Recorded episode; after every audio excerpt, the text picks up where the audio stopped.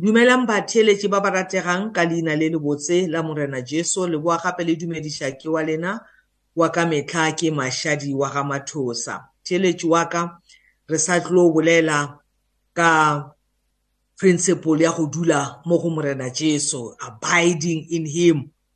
Ke kgopela gore pele re thomang ke re thomeng ka go leboga modimo. Papa re ya go leboga re thabela nako ya go dula around your word.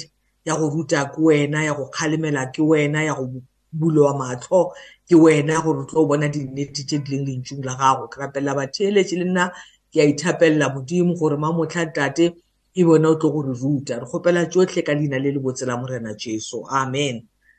Motheeletši wa ka bekeng e fetileng re boletše ka taba ya gore there is still a promise of entering the rest that jesus gives.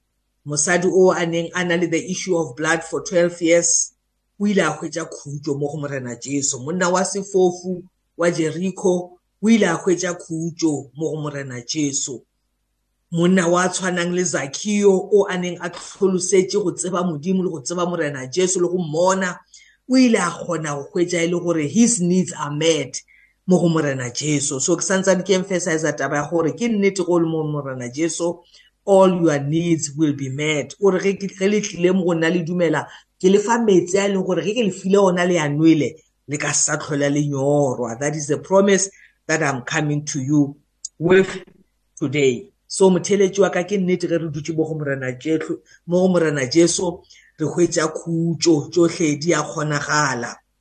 So ke rata gore ba motlha ke go bontšhe gape i like demonstrating you know lentšu la modimo ka di-examples tse di tswang bibleng so that we can understand better.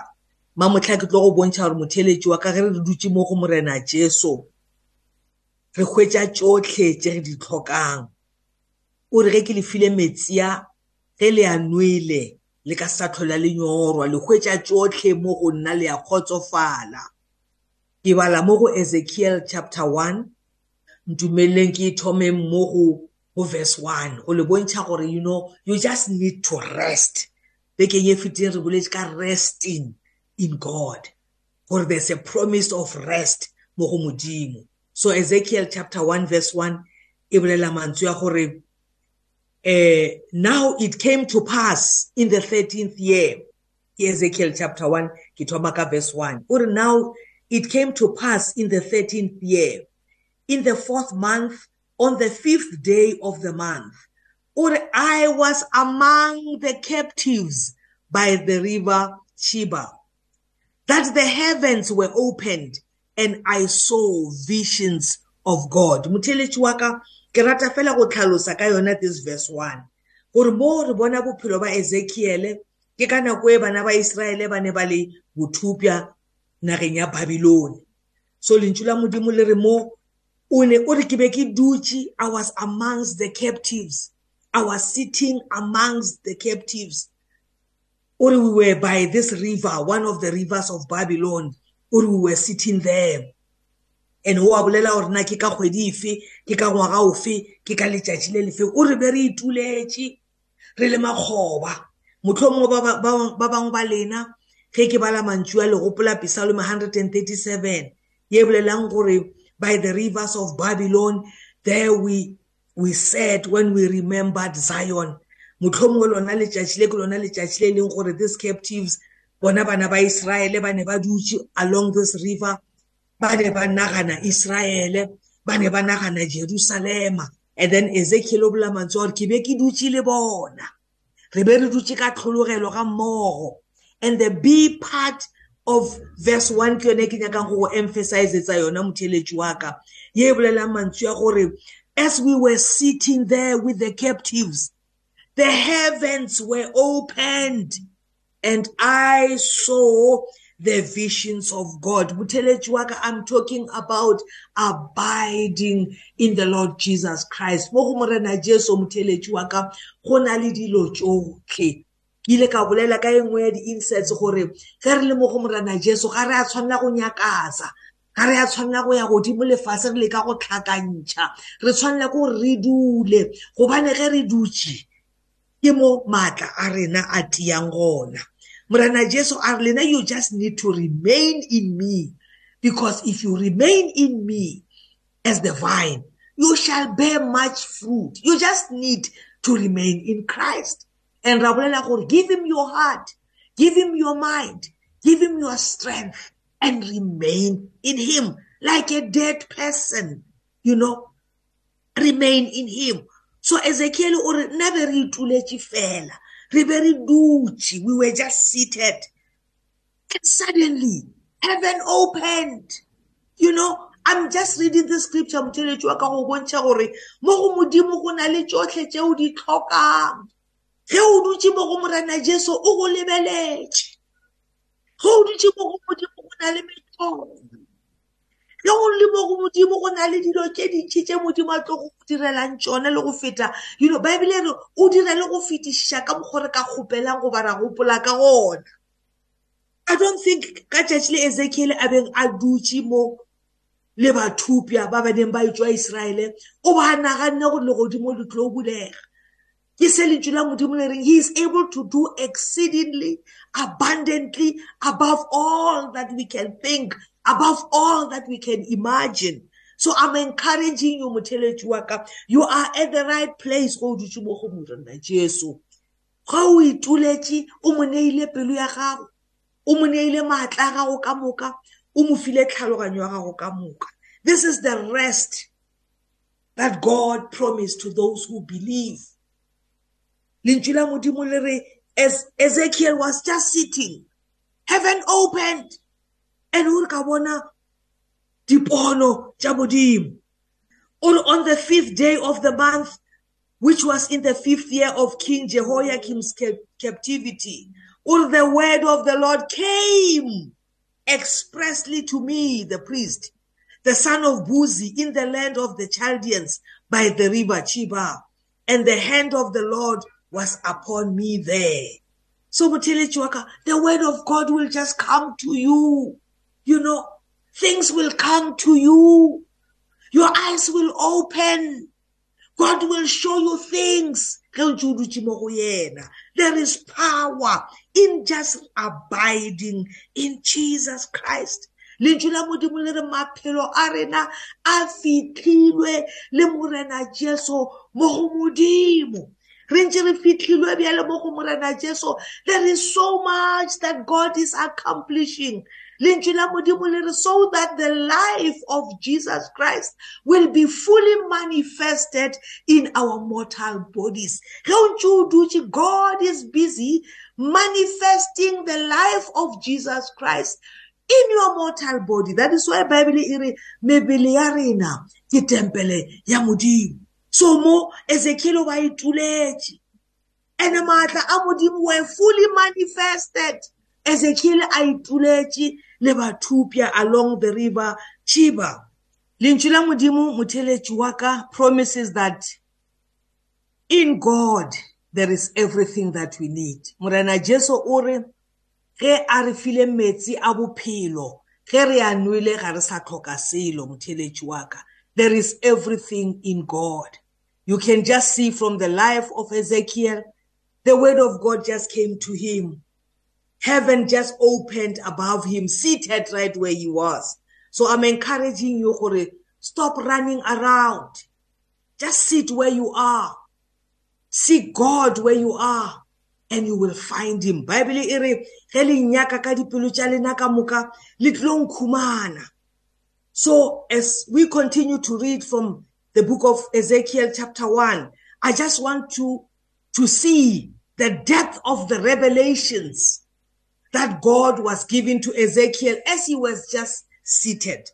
You know, mo verse 4 then I looked, Kiana Ezekiel, then I looked and behold, a whirlwind was coming out of the north, a great cloud with raging fire engulfing itself, and brightness was all around it and radiating out of its midst like the color of amber out of the midst of the fire. Also from within, it came like likeness of four living creatures.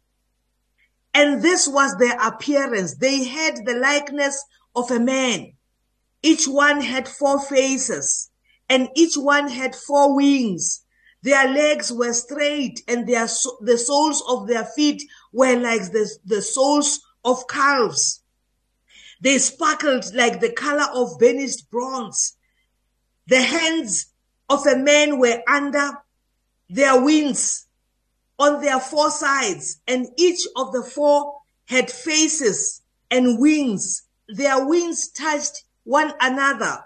The creatures did not turn when they went, but each one went straight forward. Mutele Chwaka, if you are listening to me, this is one of the deepest revelations in the word of God. Mo ge Ezekiel a ituletše a ne a sa expect much to happen. Modimo shows him heaven, reveals to him his very throne. Go ka bala lentšu la Modimo, these four creatures that the Bible is talking about here are the creatures that are carrying the very throne of God in heaven. Ka mantswe a mangwe, Modimo showed Ezekiel his throne as he was sitting and relaxed with the captives along the river of Chiba. So motheletši wa ka o sekebe wa nyatša taba ya go dula o kgosetše mo go morena Jesu. Modimo is able to reach out to you and reveal deep things to you that you have never known before. Mo Modimo o bontšha Ezekiel very, very deep secrets of heaven itself. And go kabala, this is the very same secret that the apostle John saw in the book of Revelations chapter 4. If, if I'm to read quickly from verse 2, ge o bala in Revelations chapter 4, moapostola Johane ge modimo a mmontšha dipono tša legodimo, Bible e re, at once I was in the spirit, and there before me was a throne in heaven with someone sitting on it. And the one who sat there had the appearance of jasper and ruby, a rainbow that shone like an emerald encircled the throne. Surrounding the throne were 24 other thrones, and seated on them were 24 elders. Uri, they were dressed in white and had crowns of gold on their heads. From the throne came flashes of lightning, rumblings, and peals of thunder. In front of the throne, seven lamps were blazing. These are the seven spirits of God. Also in front of the throne, there was what looked like a sea of glass, clear as crystal. So mo bjanong o ya a ntse a tlhalosa dilo tse a di boneng re tsena mo gare ga revelation yela modimo a e fileng ezekiele as he was just sitting. Go go bontšha gore motheletši wa ka modimo will take your hand and walk with you. A go bontšhe diphiri tša legodimo o ntse o kgosetše mo go morena jesu. O re ga a tswela pele gore in the center around the throne were four living creatures. They were covered with eyes in front and in the back. The first living creature was like a lion. The second was like an ox. The third had a face like a man. The fourth was like a flying eagle. Each of the four living creatures had six wings and were covered with eyes all around. Even under its wings, day and night, they never stop saying, Holy, holy, Holy is the Lord God Almighty who was, who is, and who is to come. These cherubims, these are the creatures in heaven that carry the throne of God. So motheletši wa ka o sekebe wa nyatša botebo.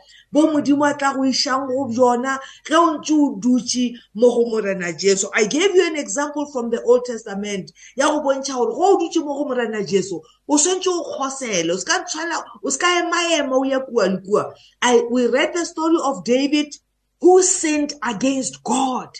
Why? Because at some stage he panicked and he took a census. Why at a census he wanted to check the capacity of his army? Go bona gore na ke tlo kgona go fenya na with the number of these people that i'm having? A thoma go worrya about whether he will be victorious or not.